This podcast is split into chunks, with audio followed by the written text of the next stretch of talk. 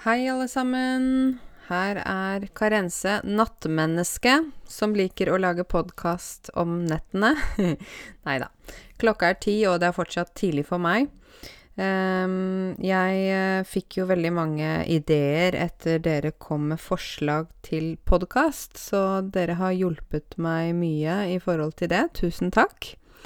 Uh, I dag så tenkte jeg skulle snakke om litt forskjellige ting. Um, jeg tenkte først å snakke litt om uh, hvordan uh, jeg har hatt det i det siste i forhold til huset mitt. Uh, det høres kanskje litt rart ut, men det er faktisk sånn at det huset jeg bor i, det er fra 1936. Så det er ikke så gammelt, men det er absolutt ikke nytt heller. Um, det er sånn at grunnmuren uh, på dette huset Altså grunnmuren er jo det som er helt under et hus, ikke sant? Uh, den um, trakk inn uh, mye fuktighet, altså vann fra jorda og inn i kjelleren. Ikke, ikke, vann slik at det var vann på gulvet, men du vet luft med mye fuktighet. da kan det etter hvert komme sopp og mugg, og det er ikke sunt. Derfor måtte jeg og uh, vi som bor her, vi er fire enheter totalt, uh, vi måtte um, beslutte. Beslutte betyr å bestemme noe sammen. Vi måtte beslutte å drenere rundt huset. Å drenere, det er rett og slett at det kommer en gravemaskin uh, og graver rundt hele huset. Graver seg fire, tre til fire meter rett ned innenfor grunnmuren. Eh, og så legger de da eh, beskyttelse på muren, og de legger lekakuler, og de legger jord til slutt, slik at man skal sørge for at eh, fuktigheten ikke kommer inn i kjelleren. Jeg vet ikke om dette ble veldig vanskelig norsk for en del av dere, men eh, ja, det heter drenering. D-r-e-n-e. -E R-I-N-G. Drenering. Så jeg har rett og slett bodd Jeg føler at jeg har bodd i en um, middelalderborg. Um, det er kanskje ra, uh, litt sånn vanskelig å forstå. Middelalderborg, det er sånn Da må vi tilbake kanskje 600 år, 700 år tilbake. Da uh, de rike kongene og sånn bygde seg borg. Ikke slott, ikke hus, men en borg. Med en stor mur rundt. Og rundt denne borgen var det veldig ofte en eh, sånn eh, kanal med vann, altså vi kaller for vollgrav. Eh, så rundt huset mitt har det vært bare åpent. Fire meter rett ned, to meter rett ut fra huset. Så jeg har hatt en type um, planke, eller sånn tregreie, som jeg måtte gå inn. Uh, for det har vært veldig skummelt. Og Bahia, min hund, har vært veldig redd. Uh, for hun var redd for å falle nedi der. Så jeg måtte bære henne. Uh, det var ganske slitsomt, for hun veier 20 kilo. så jeg må bære henne inn og ut når jeg skal på tur med henne. Og så er det generelt ikke så hyggelig hjemme hos meg nå. Det er gravemaskiner, det er steiner, sand. Det er totalt kaos. Og for meg, jeg vet ikke hvordan det er for deg, men for meg så er det sånn at når jeg når det er kaos rundt meg, altså hvis det er rotete, øh, hvis kontoret mitt er rotete, hvis kjøkkenet er rotete, hvis det er rotete rundt meg, så blir jeg litt rotete i hodet. Altså, jeg klarer ikke å tenke helt øh, klart. så jeg gleder meg veldig nå øh, til at dette hullet, dette gigantiske hullet, blir fylt igjen, og at vi kan gå på bakken som normalt igjen. For vi har faktisk ikke kunnet gå på bakken, for det har vært åpent fire meter rett ned. Tenk deg det. jeg tror ingen av dere hadde likt å bo sånn. Uh, men jeg håper at det blir bedre for huset og for de som har leilighet i kjelleren, sånn at de uh, har vanlig luft der og ikke sånn uh, fuktig luft, da. For hvis man puster inn sånn sopp og mugg, da kan man bli veldig syk. Så det var viktig å få gjort noe med det. Sånn er det med den saken. Uh, jeg har stadig mye å gjøre. Mer å gjøre. Uh, mye, mer, mest. mest å gjøre. Høsten pleier å være litt travel, det har jeg snakket om. Eh, jeg trives med det, syns det er gøy. Um, gruppa på Facebook har jo nå vokst til over 7000 medlemmer. Vi kan si at en gruppe har vokst, selv om en gruppe ikke lever, skjønner du. Um, så gruppa har vokst til over 7000 medlemmer, det er jo mange mennesker. Og her om dagen Her om dagen betyr uh, ja, for noen dager siden. Her om dagen så skrev jeg på den Facebook-gruppa uh, som for øvrig heter Norsklærer Karense. Hvis du ikke er medlem, så velkommen. Um, jeg skrev um, Hei, alle sammen. Uh, hvor kommer dere fra, og hvor i Norge bor dere? Og i løpet av altså jeg tror det var 24 timer, så hadde jeg over 700 kommentarer.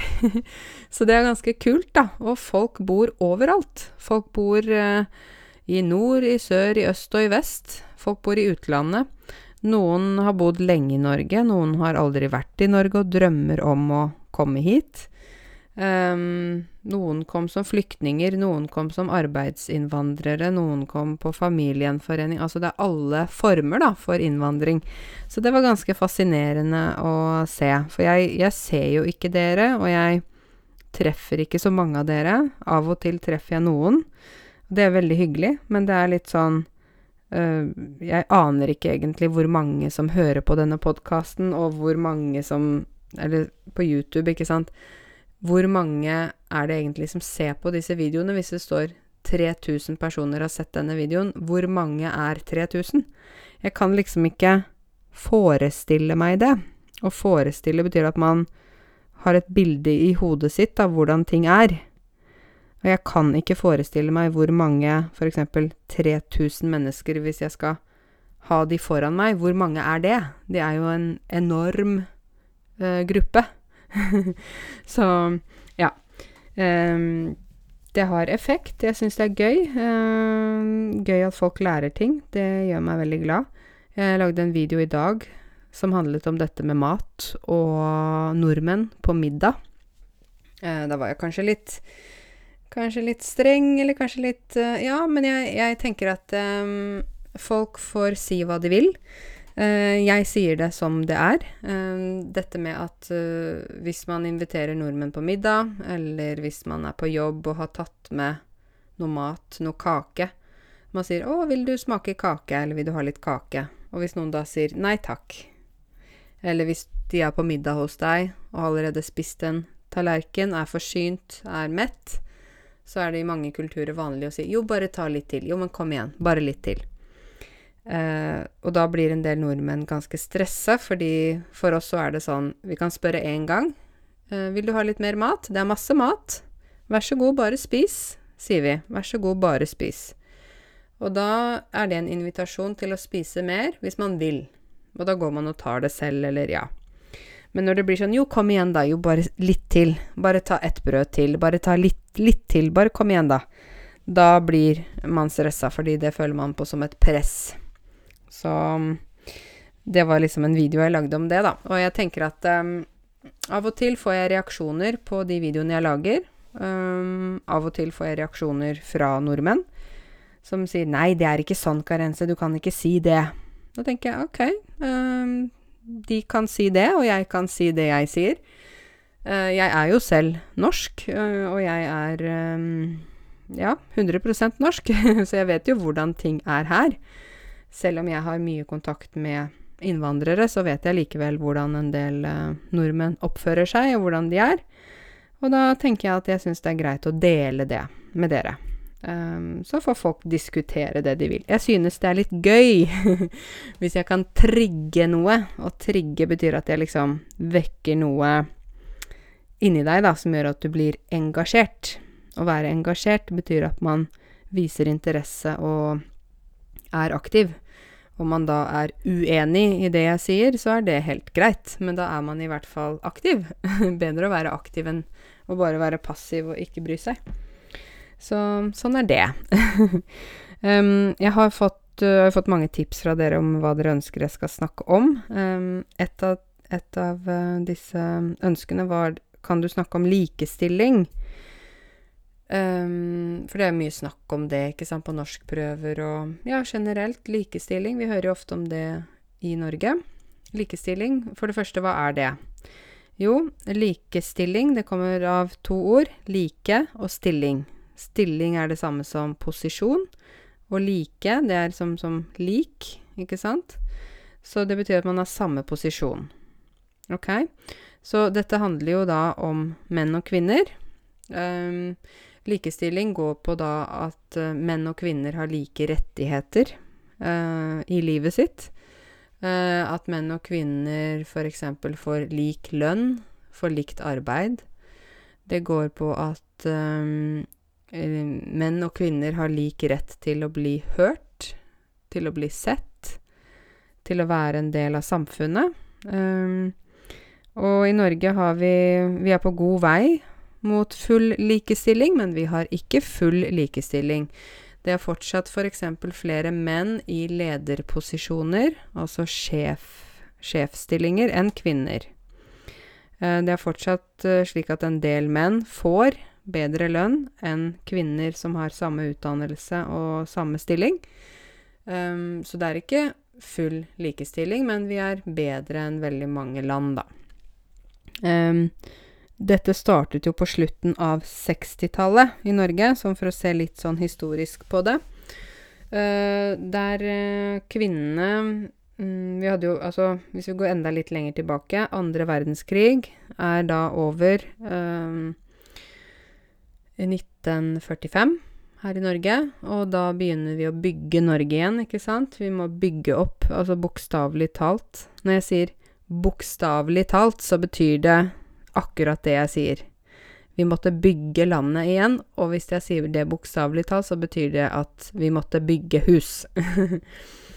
så vi måtte bygge Norge igjen. Eh, familiene ble større. Folk var lykkelige. De fikk mange barn. Når man er lykkelig, så får man barn. det er det i hvert fall Og man har kanskje mer penger til å få barn. Um, og de måtte bygge. Um, og de bygde og bygde og bygde. Høye hus, blokker. Og så var det litt sånn at det var pappaene som jobba, mamma var hjemme med barna. De hadde gjerne tre, fire, fem barn, en del av disse familiene. Uh, de barna er jo i dag gamle, ikke sant? Det kaller vi for eldrebølgen. Det er en bølge av eldre mennesker. Og så har vi ikke like mange unge, så da blir det litt skjevt i samfunnet med antall gamle og antall unge. Um, men i hvert fall 1950, 52, 53, 54 osv. så, så var uh, mammaene var husmødre. De var hjemme, mange av de. Det var ikke så mange som akkurat var karrierekvinner på den tiden. Uh, og mennene var ute og jobbet. Kvinnene vasket huset, lagde mat, uh, gjorde de tingene der. Men etter hvert uh, så begynte vi å få mer og mer industrien tilbake til Norge. Da hadde vi behov for arbeidskraft. Og arbeidskraft, det betyr altså folk som kan jobbe. Vi hentet arbeidskraft fra Pakistan, fra India, fra Tyrkia, fra Marokko, Tunisia, flere land. Altså vi hentet folk som kom for å jobbe. Eh, og vi trengte også våre egne folk. Altså vi trengte våre kvinner til å komme i jobb. Um, dette var på slutten av 60-tallet. I tillegg så var disse kvinnene veldig lei av å sitte hjemme alene. Eh, de følte at de ikke hadde et eget liv. De følte at de satt hjemme og ventet på at Mannen skulle komme hjem fra jobb, de ventet på at barna skulle komme hjem fra skolen, og hadde egentlig ikke egne drømmer og ønsker. Så um, når de endelig begynte å komme litt ut i jobb, så var de veldig glade. På samme tid, eller samtidig, så var det en um, feministbevegelse, altså uh, det begynte å danne grupper her i Norge med forskjellige kvinner som ville stå opp for sine rettigheter. De sa at uh, nei, nå kan vi ikke fortsatt ha det sånn at uh, kvinner ikke får lov til å bestemme i samfunnet. Uh, vi kan ikke akseptere det. Kvinner er like mye verdt som menn. Um, de kjempet for en del saker. Å kjempe for betyr at man jobber veldig hardt for noe. F.eks. kjempe for frihet. Disse kvinnene, som da ble kalt feminister på den tiden, de kjempet for kvinners rettigheter i Norge. Eh, det er en del saker de var opptatt av. Um, de var opptatt av uh, at kvinnene skulle få lov til å komme i jobb, ikke bare være hjemme. De var opptatt av at uh, staten skulle bygge såkalte daghjem, som er tidlige formen for barnehage. Um, de var opptatt av at um, kvinner skulle få bestemme om de ville beholde et barn i magen eller ikke hvis de var gravide. Det kaller vi for selvbestemt abort, og det tok lang tid før uh, det ble innført i Norge. Um, de var også opptatt av um, at uh, kvinner som menn også skal få lov til å ha en stemme i politikken. At de skal få øh, ha like stor verdi som mennene i samfunnet. Sånne ting var de opptatt av. Så det er et program på NRK nett-TV, dere, som dere kan se hvis dere vil. Det programmet heter Feministene. Feministene. Altså, jeg staver F-E M-I-N-I-S-T-E-N-E. Feministene. Eh, det handler om disse damene, en del av disse damene som nå er gamle, men de ser tilbake på deres kamp på 60- og 70-tallet. Og det er en del klipp der i svart-hvitt, eh, og så ser du de damene i dag, og de ser tilbake, da. Ganske spennende program, egentlig. De forteller om hvordan det var, å kjempe for kvinners rettigheter på den tiden, det var ikke lett. Um, noen sier ja, er du feminist, Karense? Mm, jeg vil ikke si at jeg er feminist, men jeg er jo opptatt av like rettigheter egentlig for alle. Uh, og da selvfølgelig også kvinner, men også innvandrere. jeg er opptatt av egentlig alle grupper i samfunnet, at jeg tenker at det er ikke bare kvinner og menn, men det er også andre grupper som kanskje er minoriteter. Jeg er opptatt av rettigheter til eh, samene også, de som er samiske i Norge. De også er en minoritet. Så jeg er opptatt av at alle skal få leve et fritt, selvstendig og godt liv, eh, og føle at de er inkluderte i storsamfunnet. Storsamfunnet, det er det samme som majoriteten, eller den største gruppen i samfunnet. Ja, så sånn er det.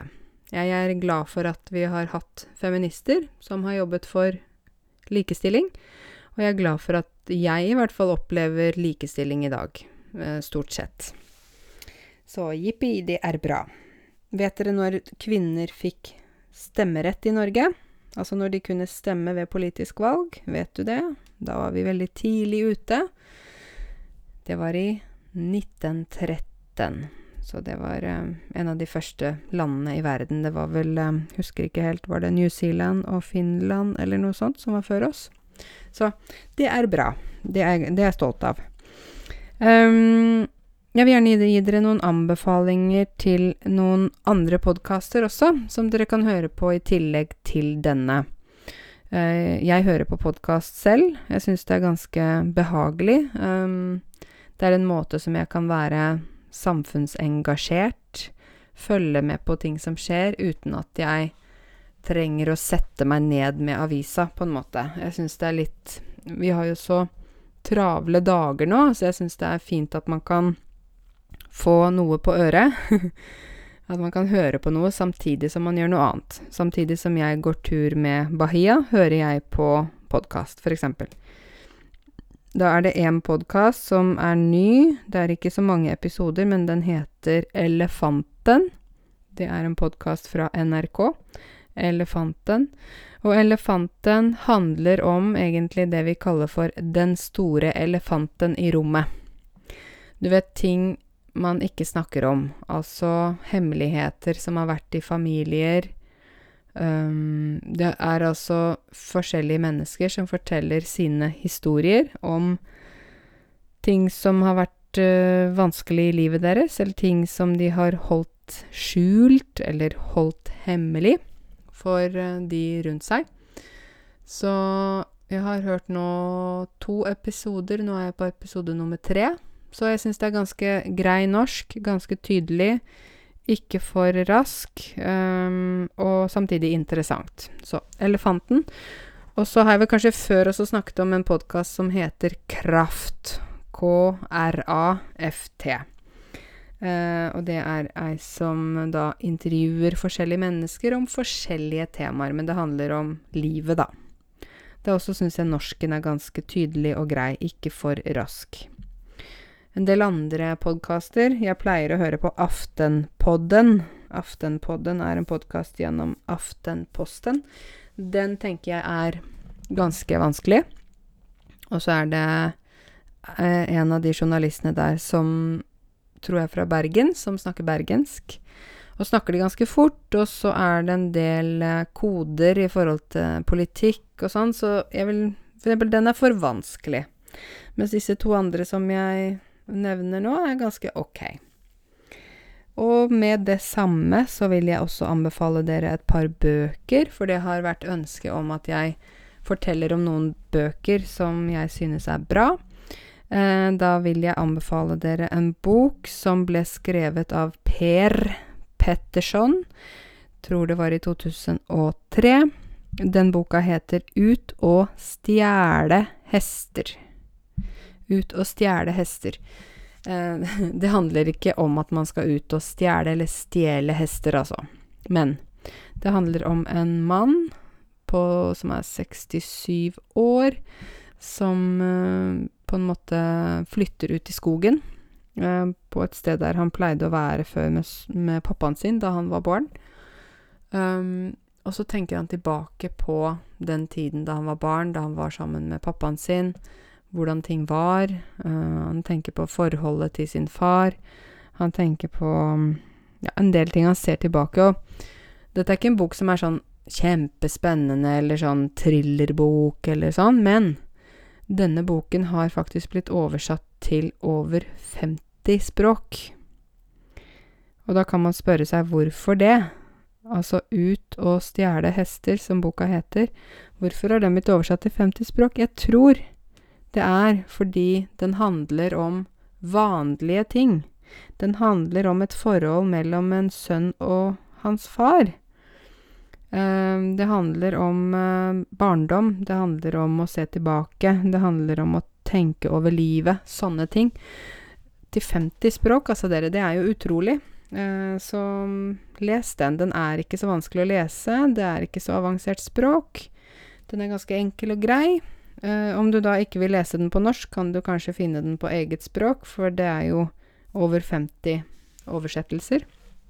Så ja, det var den. Så er det en annen bok som er en klassiker. Den heter Tatt av kvinnen. Tatt av kvinnen, det er altså en bok av Erlend Lo. Eh, den finnes også som film, så da går det an å lese boka først, se filmen etterpå, eller motsatt. Um, jeg syns den er morsom fordi det handler om Det egentlig kommer fra den gamle filmen 'Tatt av vinden', eller 'Gone with the Wind', som er en amerikansk gammel film. Men altså 'tatt av kvinnen'. Så det er da en norsk mann som er sammen med en norsk dame som heter Marianne. Marianne, hun er ganske kontrollerende. Hun um, bestemmer så å si alt. Uh, denne mannen har ikke så veldig mm, stor mulighet til å protestere på hva Marianne sier, uh, for hun bestemmer. Uh, for eksempel sier han ja, Marianne, skal vi reise på ferie? Og så sier Marianne nei, det passer ikke nå, vi skal ikke på ferie. Og mannen bare nei, ok, greit. så dette er en sånn dame som Hun bestemmer. Det er helt tydelig at hun bestemmer. Og jeg syns det er litt morsomt fordi det er eh, litt Kanskje litt overdrevent. At noe er overdrevent, det er litt mye. Litt sånn litt for mye, kanskje, men det er litt sånn eh, Vi sier det er tatt på kornet. Tatt på kornet betyr at det er Man tar på noe som er eksakt dette. Så det er liksom norske damer tatt på kornet. At norske damer også er litt dominerende. Kanskje litt mye noen ganger. Kanskje de norske mennene um, blir litt sånn små ved siden av de, jeg vet ikke. Men bare les boka, jeg syns det er morsomt. Morsomt språk og lett å lese. Tatt av kvinnen av Erlend Lo. Erlend Loe, skriver man da. Ja. Ok. Um, jeg må bare også snakke litt om det med Jeg fikk et spørsmål om Karense, hvordan bruker man disse appene Memrise og Duolingo og disse her? Hvordan bruker man det riktig for å lære seg norsk? Um, jeg har jo selv prøvd de på en del språk. Fransk, swahili Ja, min mamma prøvde til og med på gresk, for hun har leilighet i Hellas, så hun har lyst til å lære seg litt gresk, da. Um, for å være helt ærlig, for å være dønn ærlig, så er jeg ikke så veldig begeistret for disse appene. Man liksom Alle sier 'Å, Memrise', 'Å, Duolingo', men jeg, jeg, jeg syns ikke det er så veldig verdifullt, egentlig. Um, det er jo noen apper der du må betale litt. Jeg syns kanskje de er bedre enn uh, enn de gratisappene. Jeg syns det er litt sånn tilfeldig hva man lærer. Det er ikke så systematisk. Sånn som jeg har sett på Memorize, så lærte jeg liksom rare ting på swahili som jeg ikke trengte, da. Um, så jeg var ikke helt begeistret for Memorize. Å være begeistret betyr at man er veldig sånn engasjert og ivrig. 'Å, det er så bra! Å, Memorize! Å, det er kjempeinteressant! Ja, ja!' Da er man begeistret. Men det er jeg altså ikke. Så jeg vil heller, heller bruke noen av disse gratis websidene som ligger, eh, ligger der ute. Det er jo en webside jeg har snakket om på en video som heter moava.org.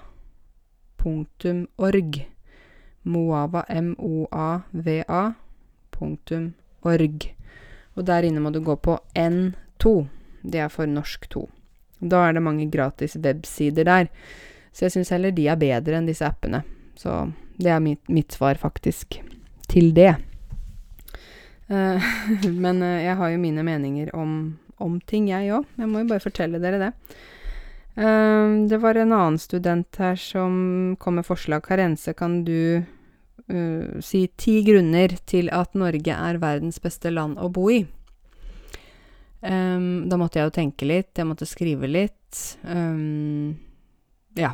Så jeg tenkte jeg skulle snakke om de ti grunnene ut ifra mitt ståsted. Altså hvor jeg står, hva jeg tenker. Det betyr ikke at det er riktig, eller at det er noe analyse på det, men bare sånn som jeg tenker, da. Uh, for øvrig så vil jeg gjerne si at det også er en del ting i Norge som jeg ikke er så begeistret over. Som jeg ikke er så glad for. Sånn at jeg er ikke sånn helt blind på 'Å, Norge, Norge, Norge. Å, Norge er best'. Skjønner dere? Jeg må bare drikke litt te her. Unnskyld meg. Det må nesten bli sånn når jeg sitter og prater for meg selv, så blir jeg tørr i halsen. Ok, her er min liste på uh, hva er det som gjør at Norge er verdens beste land å bo i. Um, sånn som jeg ser det. Det er mange sånne lister der ute. Uh, nummer én vi har et velfungerende demokrati. Vi har et demokrati som fungerer bra. Det vil si, uh, det er valg hvert fjerde år. Vi jukser ikke med valget, med stemmene, når folk stemmer. Um, vi har et system, et parlamentarisk system, um, som også gjør at um, f.eks et politisk parti kan aldri styre alene. De må alltid sitte i regjering sammen med andre partier. Og det gjør at de et parti kan ikke ta fullstendig dominans over politikken, og det syns jeg er bra. Um, nå er det jo litt spennende i KrF, fordi KrF, altså Kristelig Folkeparti, der har uh, lederen av KrF, uh, Knut Arild Hareide Vet ikke om dere følger med på nyhetene, men han har sagt nei, jeg vil ikke at KrF skal være sammen med Høyre og Frp, som er det mest høyreorienterte eh, partiet. Han har nå sagt at eh, Hvis vi skal fortsette å være i regjering med Høyre og KrF, da, nei, Høyre og Frp, da vil jeg ikke være leder i KrF.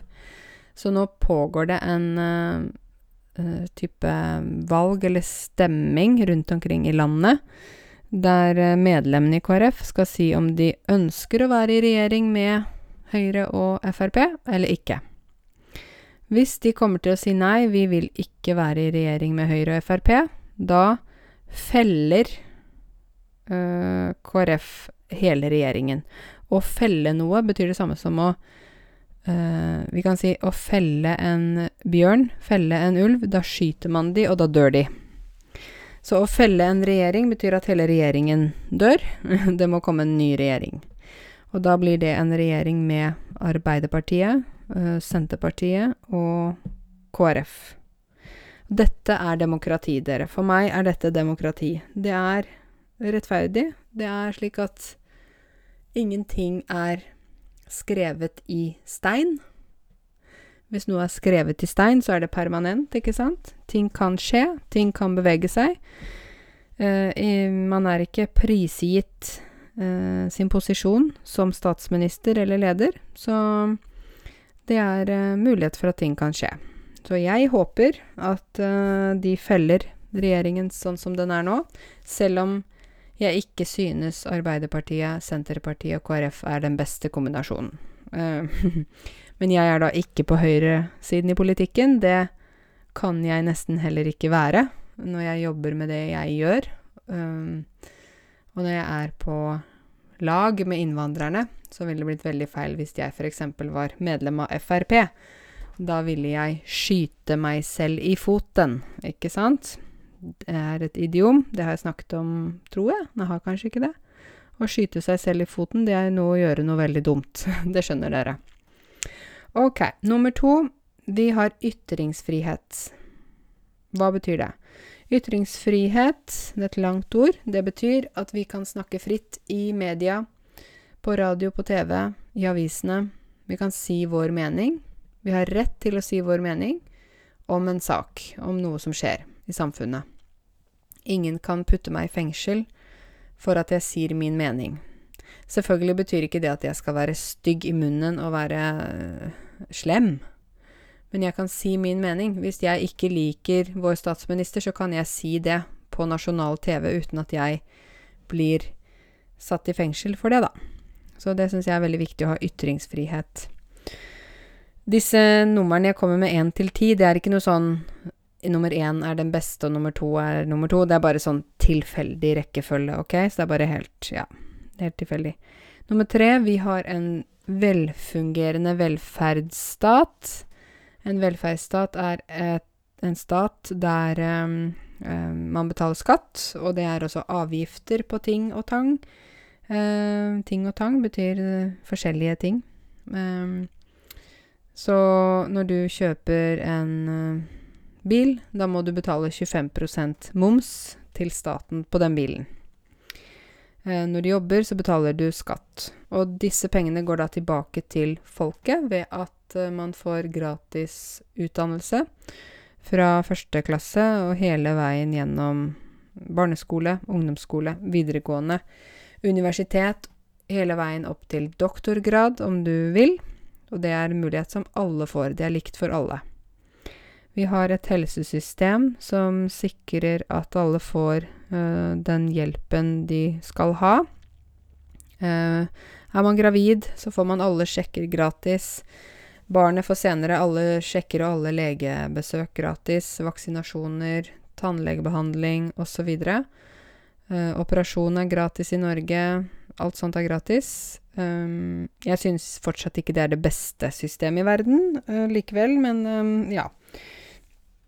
Det er ganske bra, fordi vi ikke betaler. Men vi må av og til vente i såkalte helsekøer. Så vi har en velfungerende velferdsstat. Jeg vil ikke snakke så mye om Nav, um, for personlig er jeg ikke så begeistret for Nav, fordi jeg har jobbet på Nav selv før, og jeg har sett at det er en del mennesker som misbruker det systemet, så ja, det er en del jeg ikke vil snakke om så mye, egentlig. Da blir jeg bare litt irritert.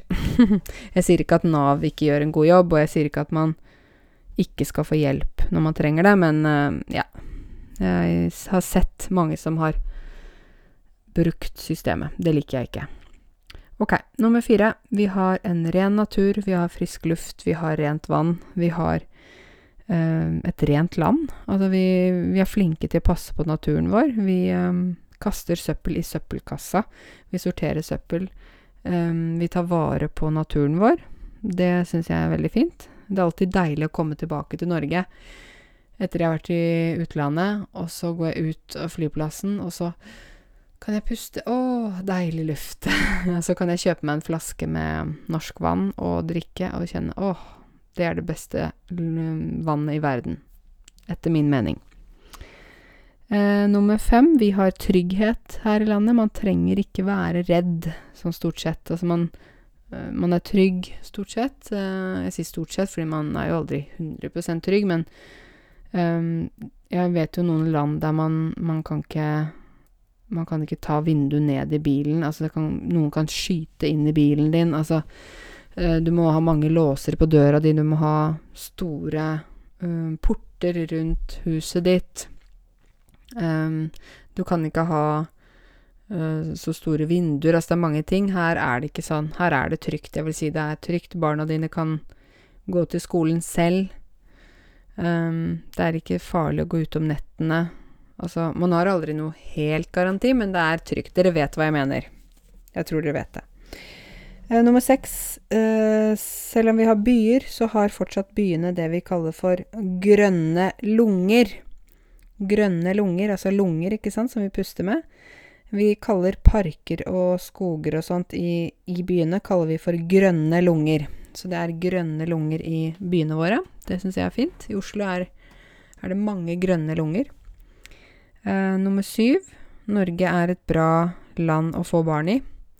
Eh, man har mange rettigheter som foreldre. Man har foreldrepermisjon.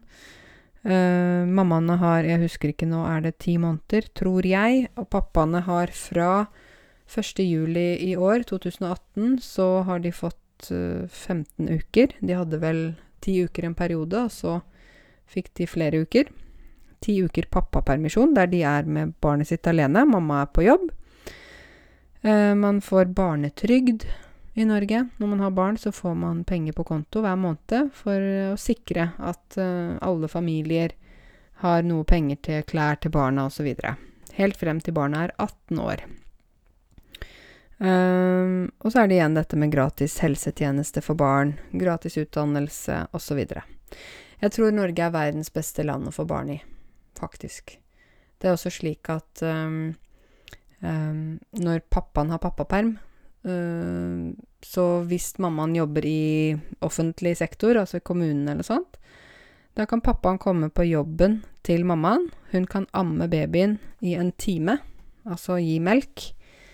Uh, og dette er betalt. En del andre firmaer, private firmaer, har de kanskje ikke betalt ammepause, men de har rett til å ha ammepause. Det er jo også fantastisk. Nummer åtte, vi har frihet. Norge er et fritt land. Jeg er meg selv, du er deg selv. Uh, I frihet ligger dette med ytringsfrihet, som jeg allerede har snakket om. Religionsfrihet.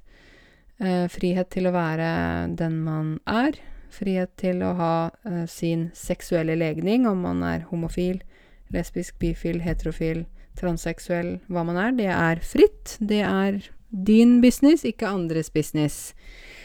Og det er det jeg tror at mange som flytter hit fra andre land Det kan være litt vanskelig å akseptere at vi har så mye frihet. For noen så kan det oppleves som vanskelig å plutselig få så mye frihet, for man kanskje kommer fra et land der man ikke har den friheten, og så skal man plutselig ta så mange valg. Man kan velge alt.